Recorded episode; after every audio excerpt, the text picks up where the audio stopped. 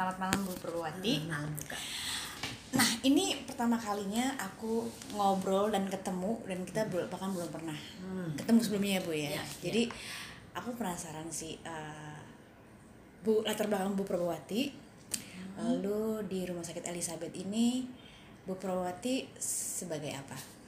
sebagai humas dan marketing Oke. Ah, di samping itu saya kenalnya pasti psikolog saya psikolog yang praktek saya mengerjakan rekrutmen komponen eksternal macam-macam dah tentang psikolog tetapi saya lebih posisi saya lebih kepala humas marketing Kepala Humas Marketing.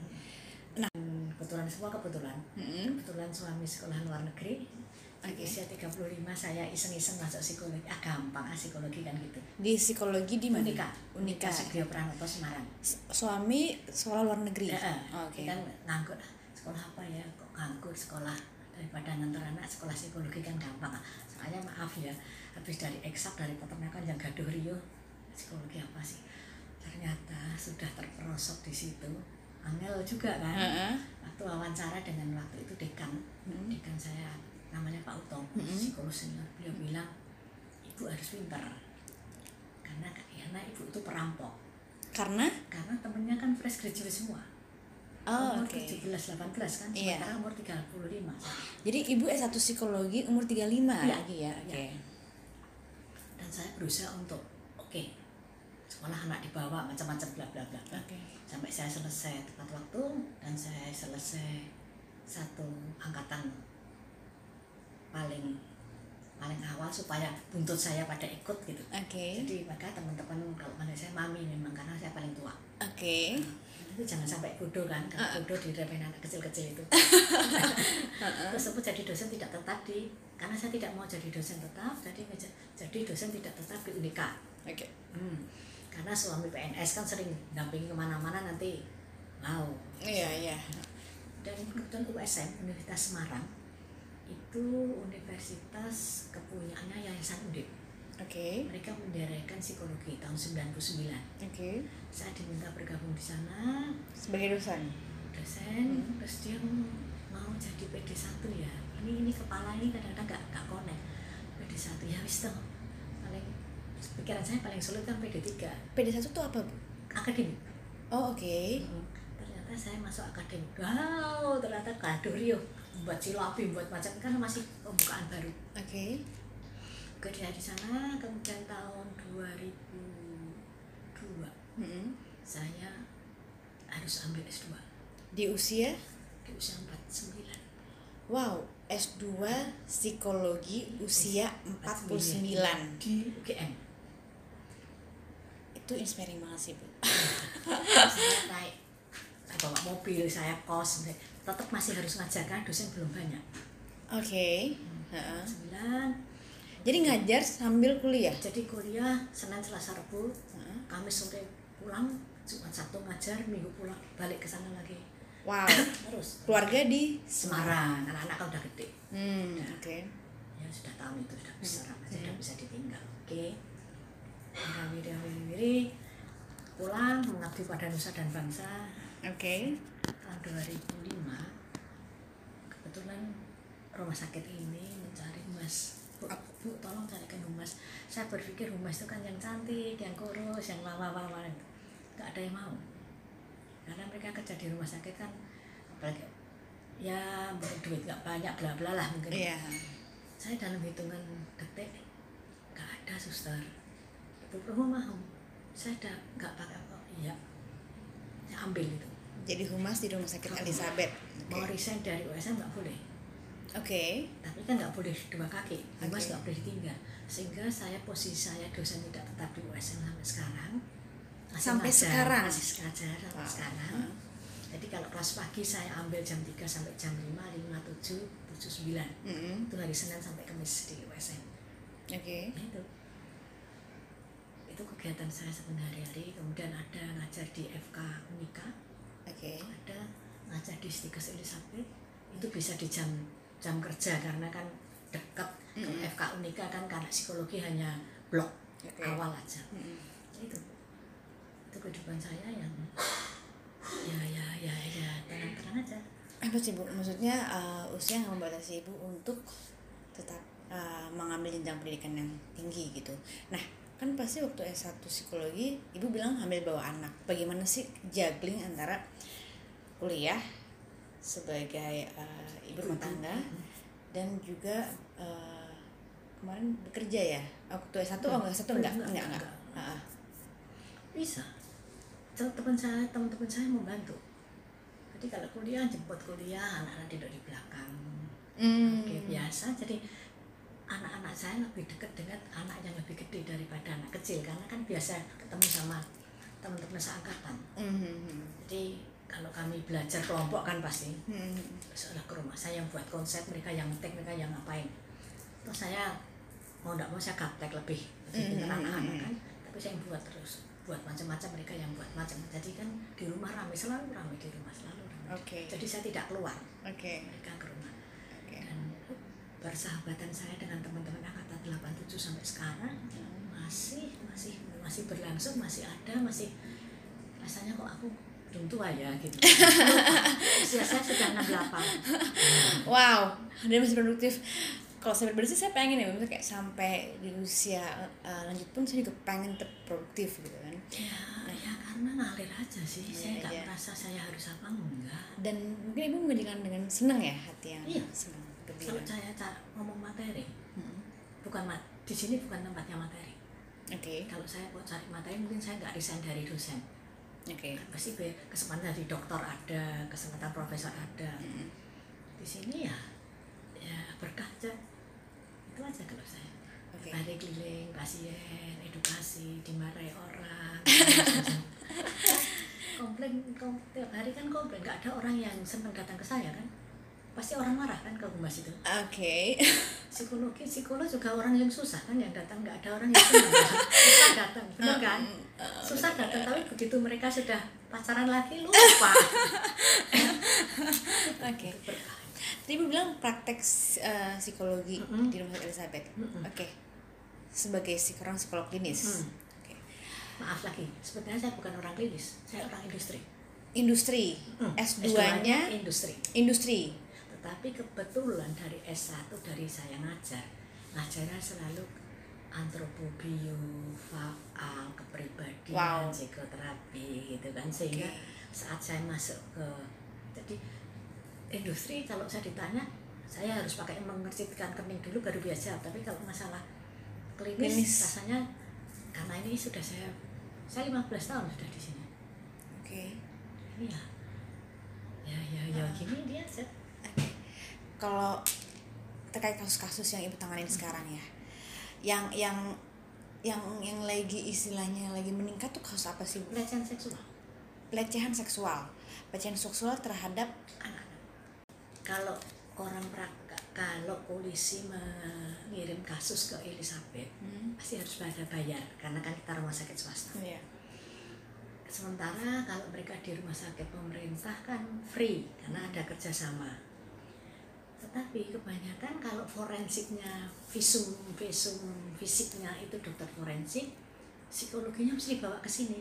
Saya pikir kenapa kok mesti ke sini bukan toh harus bayar di sini meskipun nggak banyak tapi kan ada ada tarif yang untuk di rumah Oh, sakit iya. kan.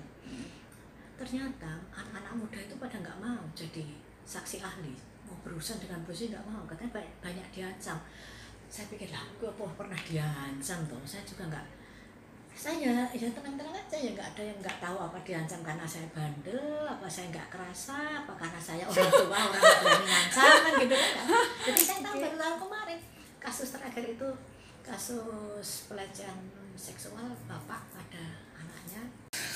Makanya saya tuh kepingin lari dari masalah itu tapi nggak bisa. Saya nggak mau sebenarnya tapi kalau nggak ada itu Siapa yang ah, polisi sudah sudah sudah pasti ke sini Terus akhirnya jaksa maunya ke sini. Ada pernah dari laporan psikolog lain dikembalikan mungkin mereka pakainya bahasa yang bahasa bahasa psikologi bahasa yang canggih anak Mm-mm. muda kan lebih pintar dari saya lah. Mhm. saya mungkin bahasanya bahasa yang mudah difahami. Mhm. konsumennya korban ini ada pendampingan uh, psikologisnya? Saya tidak saya tidak sampai saya ti- bukan pendampingan saya hanya mengungkap aja. Eh, tapi ada pihak yang mendampingi mungkin ada ada ada dari seluruh ada macam-macam sekarang saya kalau suruh mendampingi nggak sanggup karena nggak punya waktu tapi hanya saya hanya mengungkap bahwa di pengadilan sebagai saksi ahli selesai minimal tuh berapa lama sih bu untuk kayak kalau pelaku pelecehan seksual ini? Ahli kan kalau anak-anak kan 12 tahun Oke. Hukumannya. saya nggak terlalu mengikuti itu Oke. Karena begitu saksi ahli kan saya lepas-lepas Ah. kalau nanti aku aduh sudah gemes aku Kalau orang orang dewasa? saya kok jarang ya dewasa sen- suka sama suka lah Ah, enggak enggak maksudnya kalau sama anak-anak berarti oh minimal 12 tahun ya yang dewasa terhadap anak-anak ya Hmm. 12 tahun. Oke. Berarti itu penting banget pendidikan uh, Seks, ya. seks Iya. ya, sejak sejak Makanya kecil saya- gitu. saya awal saya sering dimintai datang ke sekolah-sekolah SD TK untuk cerita bagaimana melindungi siapa yang boleh buka Iya. saya ke situ Oke, tapi eh, nggak semua orang tua atau bahkan guru bisa menerima eh, pendidikan seks gitu. Eh, sejak dini gitu. Pendidikan saya kan tidak harus kita harus mengajari kita ajarnya siapa yang boleh maka kalau keluar kamar mandi harus pakai baju. Bapak ibu jangan pakai anduk dong. Hmm. kalau pipis harus gimana? Kan ajarnya sebatas itu kita nggak ngomong yang macam-macam kan. Itu aja. Sehingga anak-anak meskipun ibu itu 24 jam di rumah belum tentu dia bisa ngawasi anaknya. Iya. tugas tugas saya tugas kita adalah bagaimana anak-anak itu memprotek dirinya sendiri gitu Iya. karena kita tidak bisa mengandalkan siapa yang mau Iya. Dan orang tua belum tentu mengajarkan hal itu. ya Eh, karena kan juga nggak tahu dan bagaimana makanya sekolah saya jalan saya ada siaran di di Imelda itu di radio di sini dua minggu sekali gantian dengan gizi yang ngobrol paling yang ngobrol Hmm. tentang itu tentang seksual tentang bagaimana mendidik anak supaya minimal orang tua sambil masak bisa dengerin lah Iya. ada garis merah dikit aja Bel. tapi sekarang orang tua concern kok Hmm. jadi jadi kalau ada anak-anak yang rewel tuh si- ke psikolog itu bukan bukan sesuatu yang Tabu. tabu Iya. Iya. sadar mereka anak mogok sekolah anak macam-macam anak Hmm. gadget mereka datang kok orang tua sudah ketakutan sekarang Iya. Karena eh, korbannya bisa siapa aja. iya Cowok, iya, cewek, iya, iya, semua. iya, iya, iya, makanya jadi kalau sekarang anak pulang tidak wajar aja orang tua malah parno kan Hmm. Hmm. di mana mana dijaga semua emang dunianya kayak gini sih Oke. anak-anak paling gitu yang rame sekarang lagi rame saya paling kalau Anak-anak. lainnya sih kasus keluarga suaminya leweng Iya. ibunya saya Iya. selalu bilang banyak sekali sih Kalau saya dulu sih, saya masih kayak nggak habis pikir misalnya ada guru agama bisa uh, Bisa. berlaku seperti itu, walaupun dia sudah terpapar dengan ya namanya agama itu gitu, dan itu nggak menjamin nggak seseorang. jamin nggak jamin banyak kan sekarang ini sudah orang tua sudah berani lapor Oke. kalau dulu kan disembunyikan mungkin dulu ada juga Eh, tapi enggak Iya. muncul sekarang muncul kan ada PPA perlindungan Iya. perempuan dan anak dan penting sih bu untuk akses kayak orang tahu tuh harus mas ke mana tuh harus tahu juga mereka. sekarang ada yang di yang Mbah Toto tadi yang anak dua anak kecil tadi itu dari dari komunitas ibu-ibu ibu-ibu di desa itu ada yang bagian gitu jadi mereka yang bawa saya ke saya Hmm, oke. Karena dia udah terpapar dengan isu kesehatan seksual dan reproduksi itu. jadi kesadaran masyarakat ada ada aku nggak ngerti apa PKK ya yang Hmm. yang membawa ke saya jadi Hmm. ada pekerja sosial lah Hmm. itu kan relawan banget tuh Hmm. Oke. Kan ketika ibu menangani kasus-kasus itu yang yang cukup apa ya, ya? eh, menyita banyak energi ya, Bu ya. Bagaimana sih eh, rilis ibu sendiri untuk untuk untuk ngecharge energi ibu? ya nggak apa-apa itu sampai selamat sekarang kok ya selamat tuh itu Atau ibu mungkin ada hobi atau kegiatan yang ibu sukai gitu? Hobi hobinya suka senyum-senyum aja. Se- Senyum-senyum aja. senyum aja keliling pasien keliling pasien terus saya kalau pagi datang. Pagi keliling pasien cari mana yang nggak beres. Mas kan? Iya. masuk ke ruang pasien kadang-kadang pasien gangguin pasien. Kalau nggak ada pasien biasanya pasien saya kan juga rujukan dari dokter. Heeh. dokter, dokter saraf dokter tumbuh kembang anak dokter jantung Hmm. macam-macam kan rujukan dari yang pasien rawat inap. Iya. makanya saya kadang-kadang bisa di rumah sakit psikolognya nggak dianggap Oh, di sini dokter seneng kok kalau ada psikolog biar cepat pulang kok pasiennya diperiksa diperiksa secara fisik beres lainnya kan psikolog Iya. Di di RS Elizabeth ini sendiri tuh ada berapa psikolog, Bu? Satu. Dan itu hanya ada Oke. satu lagi ada satu lagi masih anak-anak tapi bukan psikolog Hmm. jadi dia hanya datang saat praktek aja kenapa bu. Maksud, kenapa jumlahnya kok sedikit ya nggak tahu lah makanya karena karena lulusan untuk eh, psikolog klinis itu kah? orang nggak nggak nggak ngerti karena memang di sini ketat sekali ya saya pun kan posisi saya bukan psikolog Mm-mm. posisi saya humas Mm-mm. yang kebetulan psikolog sehingga saya praktek Mm-mm. jadi jam praktek saya harus sesuai dengan perjanjian kalau nggak ada pas nggak ada kerjaan rumah saya ke ruang praktek jadi saya minta bu ada pasien ibu bisa jam berapa saya rapat setengah jam lagi mau enggak kalau mau ya ayo kalau enggak ya enggak. Mhm. jadi belum tentu saya sehari dapat pasien tiga paling satu dua itu sudah oke Hmm. karena satu jam satu pasien saja satu setengah jam. Saya tinggal sini. Mhm. saya punya staff di sini enam humasnya dua marketingnya dua customer service sana dua. Mhm. kasus komplain sekarang banyak banget. Mhm. orang sekarang gampang sekali marah. Kalau marah kan kebun binatang keluar. Tapi ya begitu sampai sekarang beres semua. Tapi dengerin orang marah. Hmm, nah ya, nah itu kan ibu ibu nggak eh, pernah nggak sih ngerasa kayak burnout? Puji Tuhan ya. Pada, pada tanya sih tapi ibu nggak pernah bosan kalau bosan kan aku udah resign tuh dari kemarin. 15 tahun loh saya di sini. Iya Nah, ibu ini, ini kan emang ibu enjoy melakukan kerjaan Iya, ini ya. iya. nah tapi saya saya merasa gini mungkin mungkin. Karena saya merasa nggak terlalu dapat duit banyak. Sehingga aku duit. Jadi upahku ya seneng. Kan gini orang kerja itu pasti pengen duit. Ah. Pengen temen iya. pengen pengetahuan pengen berkah. Duit saya nggak mungkin saya dapat di sini. Saya dapat berkah dapat teman dapat ilmu. Ngobrol banyak orang di sini kadang-kadang ngobrol di ngobrol sama apa. Itu oke kok saya. Jadi ngobrol aka nongkrong. Nongkrong itu Iya ngobrol. Ah, Temen pun iya. gangguin ada di Hmm. tempat mau rumah sakit di sana Iya. itu ada taman ada banyak. Terus saya bilang, Pak, kalau nyapu yang bersih nanti istri ngobrol. Cuma ya, cuma saya puas. Jadi mungkin itu apa yang membuat saya jadi nggak capek ya. Saya juga banyak orang tanya, tapi kan pertanyaan nggak bisa jawab. Aku ngobrol ngomong, saya nggak ngapa-ngapain kok. Cuma ya gini-gini aja. Kadang-kadang malam gitu saya sampai doa di ibu. Ada orang yang mau meninggal. Gitu saya harus edukasi keluarganya bahwa ini kalau pakai ventilator terus di sini kan boros tolong di ruang biasa bisa diyasin bisa didoakan. Kan edukasi pada iya iya. Mungkin kerugian saya saya nggak punya air mata sekarang. Ah, karena sudah sudah biasa harus harus tegar. tegar. Nggak bisa jadi Du- du- dulu ibu sering mengeluarkan air mata? Ya normal aja.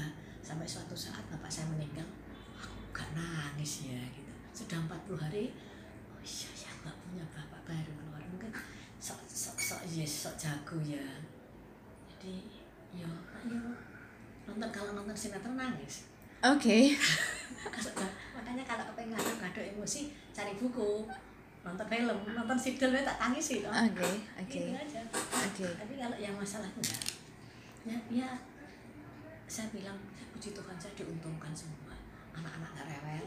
Hmm. oke jadi saya mau ke mana pun saya nggak masalah mungkin itu yang nggak nggak terbebani dan saya tidak dituntut apa apa oke jadi saya menjadi ya ini aku Oke, oke, oke. Ngomong-ngomong ngeliat ruangan ibu ya, yang banyak kodok. Ini tuh banyak banget kodok. Maksudnya kodok satu lemari di meja. Banyak, di rumah banyak banget masih Iya, ini tuh hijau semua. Kalau aku suka warna hijau bu, tapi aku nggak suka kodok karena aku geli gitu sama kodok. Kenapa ibu sampai eh, punya banyak pernak pernik kodok ini? Saya waktu apa? Polisi Kalau bapak polisi, heeh. kalau dulu manggil ya, kalau dulu manggil pakai kodok yang kakek kakek kakek kecil. Oh jadi bapak manggil anak-anaknya Ah, pakai kodok. kami berempat. Pakai diketawa gitu. Jadi kodok itu khas.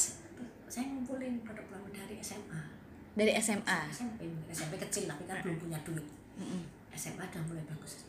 Terus ini kodok yang di sini sudah pemberian orang semua. Saya apalagi dari siapa siapa saya tahu semua teman dokter yang pergi kelanjut ini pasien anak-anak bawahnya kalau kasih Oke, Pasien itu semua itu pasien anak-anak oke. yang ngasih semua kodok ini Hmm. ini pun ada kipas-kipasan kodok. Semua. jadi ada kalau ada yang kodok mereka pasti bawa bawa sesuatu Iya, diberikan ke ini stikernya pun kodok. Oke. ini dibuatkan staf aku saya ulang tahun mereka mau ngasih apa ya gitu terus mereka mereka semalam di sini buat ini ditaruh di oh, oh surprise sekali. Ini kan pekerjaan yang iya. rumit banget. Iya iya. Saya punya banyak cinta di sini. Ini yang membuat saya bertahan. Mungkin mungkin. Banyak cinta yang membuat ibu bertahan di sini.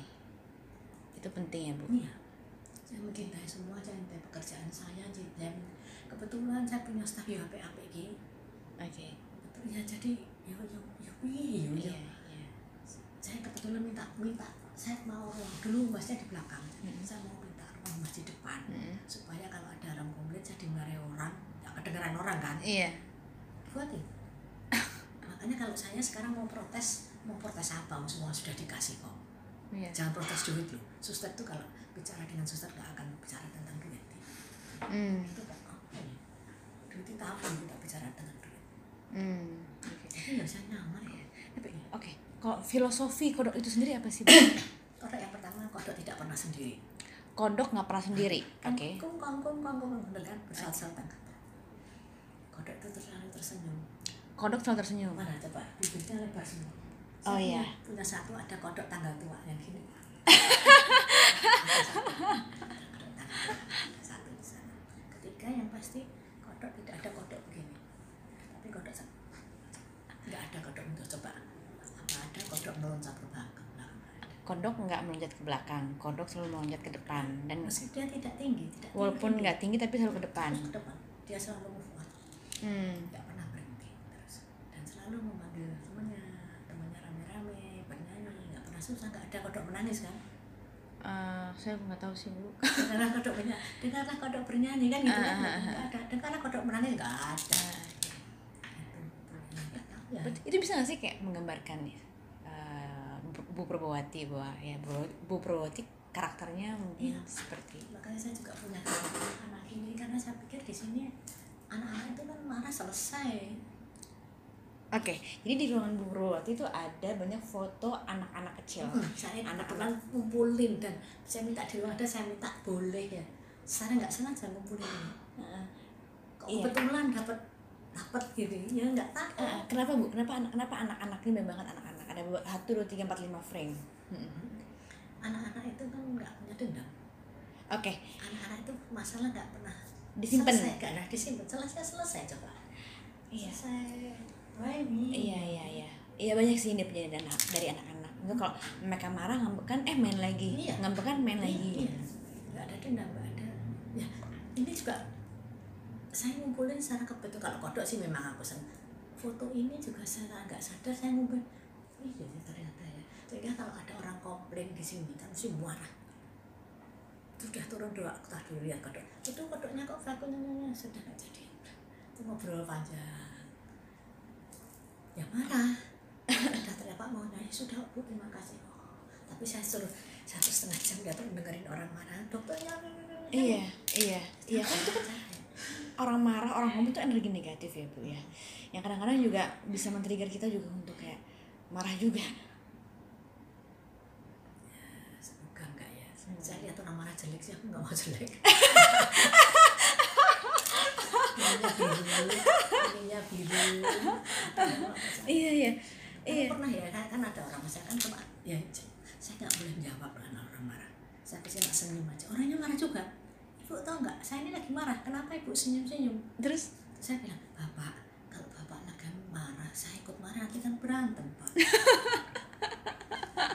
aduh puji Tuhan banyak kasus gede-gede yang harus saya tangani harus sampai ke dewan macam-macam lancar kok dimudahkan Tuhan oke. itu yang saya sangat bersyukur dan itu kan ya apa ya ada link banyak teman banyak apa yang Hmm. mendukung yang banyak doa pasti Oke. Doa. doa Gitu. banyak doa banyak di ya nggak ngerti sih saya tidak pernah punya target sih Nggak punya punya target, nggak punya ekspektasi. nggak punya pak Ya, apa yang ada di kalau apa yang Ada di tangan. hadapanku, ya aku ya harus hadapi ini Hmm. nggak usah mikir aku mau jadi apa apa mau, mau jadi manajer HRD hmm, nggak mau saya mau buat saja ayo di sana lebih enggak nggak mau kalau saya pindah sana saya keluar dan nggak nggak ada orang yang mau duduk di sini Iya, anak ini orang komplain bu. orang aduh jangan kalau di komplain bu ada komplain bu pasien ada wartawan aduh saya juga ditolong juga wartawan di sini nggak ada yang rewel-rewel Hmm. teman saya wartawan banyak sekali Hmm. Ada dan nggak pakai duit Oke. karena mereka tahu kalau suster itu nggak pernah mau ngasih duit Hmm. hmm, tapi kasih makan kita mau, mau makan rame-rame iya tapi secara finansial memang Oke. eh, filosofinya rumah sakit nggak gitu Iya. ini ya juga memudahkan saya kan? Iya. Berbicara uh, tentang perempuan. Oke, ini, ini pertanyaan terakhir ya Ibu. Berbicara terkait perempuan, Ibu perempuan uh, yang bekerja full time, ibu rumah tangga, seorang istri, seorang ibu. Bagaimana Ibu melihat uh, seorang perempuan sih? Seorang perempuan, nilai seorang perempuan. kalau saya pribadi saya harus bisa ke mana-mana memang tidak ada yang sempurna semua Iya. kalau ada orang ngomong saya antara karir dan rumah tangga oke pasti tidak ada pasti ada yang suatu saat saya akan menjadi ibu yang baik satu saat jadi pekerja saya berusaha pak saya tidur jam 12 malam pas Oke. orang Jawa kan Uh-uh. orang Jawa itu harus tidur di sesudah jam 12 itu dari kecil saya Enggak, tidur sesuai sesudah sesudah. jam 12 malam Nah, Itu saya sering filosofi. sesudah jam 12 tapi karena nggak ada tidur. itu lain lagi filosofi Jawa saya jadi saya ritme saya tidur memang gitu sudah Kenapa Bu filosofinya? Ya katanya orang Jawa gitu Jadi bukan sebelum jam 12 bahkan, tapi Iya, sudah jam jam 12. Bangunnya? ya saya jam Pak, saya bangun jam karena sebelah saya ada masjid jam Hmm. empat setengah lima saya bangun Cuma tidur empat setengah jam, 5 jam. Wow, oke. oke bangun apa pun saya di rumah ada anak saya yang gede kebetulan lagi di rumah dia arsitek yang ke mana-mana Hmm. suami saya sudah pensiun ada di rumah pagi masak masak sekedar aja dan puan masak yang wow Hmm. masak masak udah setengah tujuh saya berangkat kantor bawa cucu-cucu saya maunya diantar titi katanya panggil saya titi murni umur Eh, ke sekolah maksudnya? sekolah kelas satu Ah. cucu saya Oh lucunya, oke. tahun saya antarin dia sekolah di Mondayel sana Heeh. terus balik ke sini terus bekerja keliling ruangan kalau ada pasien digangguin apa bapak apa ada suster yang suster yang baik. Bu Propo jangan pergi-pergi ya. Nanti kalau saya mati bagaimana? Bilang suster saya pergi dulu. Jangan mati dulu ya. Ya ya ya, ya. dan menurut saya ya karena yang kalau sebagai ibu sebagai istri yang di rumah gak komplain berarti oke kan? Hmm. anu saya apa eh hitungan saya gitu Hmm. tapi karena saya ini sudah diberi kemerdekaan kebebasan anak-anak dan suami maka saya akan merawat mereka dengan baik rumah saya keluar rumah rumah harus bersih semua bersih bu piye caranya Hmm. rumah harus bersih semua harus sedia sehingga jangan sampai ada orang oh mamahnya pergi baik rumahnya berantakan enggak lah Hmm. saya selalu ber- berusaha untuk itu Hmm.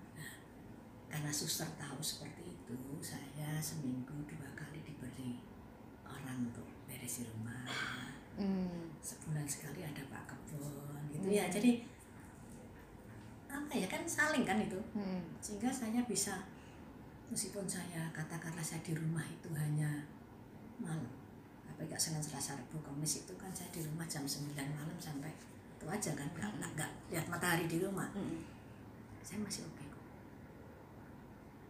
mungkin yang kehilangan saya nggak bisa ngobrol sama tetangga Hmm. eh, menengok keluarga yang sakit atau berarti kalau saya punya tamu jam kerja mereka saya bawa ke sini Hmm. ngobrolnya bukan di rumah karena kan saya hidup saya di sini Hmm. makanya teman-teman pada ngomong di mana-mana kalau punya tamu itu ya diterima di rumah punya tamu diterima di rumah Hmm. sakit Hmm. suster ngasih karena waktu saya banyak saya dikasih ruang tamu Hmm. mau apa lagi saya Jadi ibu waktu kerja kan dari jam 7 dari jam 7 pagi Setengah sampai lah, setengah Ah, selesai. sampai sampai resminya setengah tiga resmi Heeh. tapi jarang nggak resmi kalau saya nggak ngajar ya sampai sore kalau ngajar eh, mulai ngajar ya saya langsung ke USM karena jam 3, 3 itu kelas pagi 3 sampai 5, 5, 7, 7, 9 tapi di tengah-tengah itu sini ada huru hara Heeh. lari ke sini. Jadi setiap hari kira-kira pulang hampir jam berapa bu? rumah Hah. kalau Senin sampai Kamis jam 9 dong jam 8, 9 Wow, ya saya masih nyopir sendiri. Saya Ini bersendiri bu? jadi sendiri. Kalau ini kebetulan nggak karena megah papar jadi kalau ini kan jam besuk parkirnya Mm-mm. banyak. Saya masih Jogja Semarang Jogja Solo PP masih wow. ibu PP 68 tahun. 68 tahun. Hebat. Tapi kalau nyopir kalau ceritanya seru nyopirnya pelan-pelan. Kalau ceritanya seru sampai lupa. Oh, lampu merah lampu merah asik cerita hebat sih bu. Saya, saya pengen punya energi kayak ibu sampai Seneng, sampai cinta. nanti. Cinta. Eh, cintai apa yang ada di depan apa pun. Maksudnya kalau kita cinta pekerjaan cinta pada orang cinta pada apa mungkin cinta pada musuh lah. Cinta yang semua Nah, jadi boros lah dendam. Sementara misalnya saya marah sama orang orangnya nggak ngerti orangnya ketawa. Lah kok saya tuh ngomong? Bener ya jadi bertepuk sebelah tangan. Iya makanya boros amat. Kalau bisa orang yang mikir saya saya jangan mikir dia deh gitu. Eh, iya iya iya ya selama puji Tuhan lagi kemarin check up rapot saya masih biru semua wow ya ya kan itu karunia Tuhan iya makanya saya Iya. bilang banyak banyak orang yang ya banyak rumah sakit minta saya untuk sana saya bilang Hmm. nggak mau kenapa dengan penawaran yang lebih bla bla bla bla lebih Hmm. profesional Hmm. saya bilang sana nggak ada kapelnya tahu ya kapel Hmm, hmm, nggak ada kapelnya ya sudah diam mereka Hmm. Dan teman-teman dokter baik sih saya pikir saya nggak ada orang jahat yo karena ibu berpikir baik ibu Ah, berpikir baik. Pak Kebon coba lah Pak Kebon bawa ini, buatin ini kan Pak Kebon ini loh yang Hmm. buatin tuh. iya. saya dibuatin kursi itu nggak ada yang buat buatin. Katanya kalau asal capek disuruh tiduran. Ini tukang Pak tukang kan? Tukang wow. Pak tukang wow. Wow. tukang sampai jadi rasanya yo piye yo? Gitu misalnya aku susah sing piye susah sing piye sih. Hmm. enggak juga sih. Saya tidak jadi jadi nggak ngerti. Saya harus susah. Apa sih nggak susah? Ya susah lah ya pernah lah duitnya habis ya susah. Tapi kan ibu nggak nggak nggak nggak menilai nggak menilai duit itu sebagai sumber kebahagiaan? Enggak karena saya dapat. Misalnya misalnya. Tahu anak Avanti? Mm-mm. anak Avanti kan saya ikut gabung sana eh, ngurusi Idris Palus ngurusin apa anak Idris oh iya oke ha iya. Misalnya saya mau pergi mau panggil saya mak mak kodok arep nang ndi?" gitu saya mau pergi. mau besok pagi mau ke seminar. Mana ini datang kan kasih baju baju. Ibunya Saya anak nggak beli panti baju. wow. Misalnya apalagi ya ya, ya secara secara materi saya mungkin duit nggak banyak tapi barang saya punya. Hmm hmm, hmm iya iya. oke duit nggak? Hmm. pergi ke mana tante tante aku punya tas bagus. Aku tahu mesti tante selesaikan dengan pakai pakainya pakainya gini Hmm, hmm, hmm, hmm, tiba-tiba datang ah aku beli dari pasien ya hmm, hmm. dapat ya itu aja. Ya dikiranya duitnya gede kan dikira tapi enggak juga dan jalan tuh sampai sekarang kalau memang saya berpikir duit mungkin saya di fakultas lebih duitnya lebih gede kan Hmm, oke dan karir saya juga lebih oke. Oke. Saya karir PNS di peternakan saya tinggal. Hmm, seneng. Oke lah itu peternakan sudah dikubur aja coba. Nggak ada nggak ada nggak ada jejaknya tapi kalau di USN kan saya masih belum pensiun. Iya. Masih bisa dokter masih profesor. Iya. keren mungkin Iya. kan. tapi mungkin apa? Ya saya seneng. Kalau di sini kan ketemu banyak orang. Bisa senyum senyum saben hari ganti orang. Iya. saben hari lihat orang marah yang malah seneng ya bu ya ngeliat orang marah. Pun binatang rumahnya goblok. Ya pak terima kasih masukannya ya pak. Nanti kami akan saya perbaiki. Paling gitu jawabnya. Wow. Oke. Ya ya ya ya piye aku tidak koni saya nggak bisa jawab. Ya memang ya ini saya ya gini ini. Hmm. Ya, ngalir aja ngalir kayak oh ya bola baik ini ini ini ini saya saya menikmati hidup saya ya saya terima kasih pada Tuhan diberi tempat di sini sehingga saya bisa PMA oke penanaman modal akhirat Iya. Oke. Investasi di akhirat. Iya, investasi. Dan Tuhan punya tabungan di sana Terima kasih banyak Bu atas ngobrol-ngobrol dan waktunya. Em, mudah-mudahan ada gunanya. Eh, iya, maksudnya ini bagian dari dari apa sekarang? kesimpulanmu apa? bagian dari silaturahmi. Eh, kesimpulannya adalah terus berkarya sampai eh, lanjut usia. Itu penting, itu penting. uh, cintailah apa yang ada di tanganmu di hadapanmu dan itu benar-benar um, berkah. berkah untuk saya bu. Maksudnya kayak selama ini apa, apa, sih yang perlu dises, eh, dikeselin gitu? Maksudnya uh, Tuhan tuh udah begitu baik sih. Uh, untuk, untuk untuk kehidupan kita ya itu lakukan dengan tulus dengan ikhlas.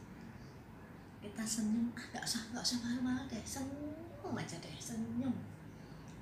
Kita masuk ruangan sini ya misalnya kan oke pak. Kita senyum aku saya senyum. Mm-mm. dengan security saya ketemu orang kedua kan saya pasti senyum. Iya. padahal aku nggak kenal kamu. Iya. kan kamu lihat aku senyum kan jadi iya iya jadi menular. menular. Maka saya kalau udah pagi ayo senyumnya mana? Jadi sebelum saya bilang senyum sudah senyum loh bu. Sudah senyum karena saya sudah ngopi ayo senyumnya mana?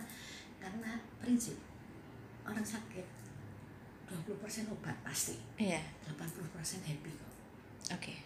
Itu yang harus saya saya gosok ke pasien. Iya iya. Dan teman-teman dokter juga membantu. Iya. tim kerja pena Iya. saya dienakan kok sama Tuhan. Iya. Saya karena harus membalasnya. Iya. Karena hati yang gembira adalah obatnya mujarab ya bu Hmm. Lingkungan yang bagus, anak yang mencintai. Jadi kalau ada orang sakit ya, ayo anak-anak yang saya juga ayo kesempatan untuk kamu nunggu papa mamamu misalnya papanya pada tua. Ya. Oke, terima kasih banyak Bu Sama-sama. untuk waktunya. Kita bertemu lagi lain waktu. Ya, oke mudah-mudahan ini ada gunanya. Arep gue apa tuh ini?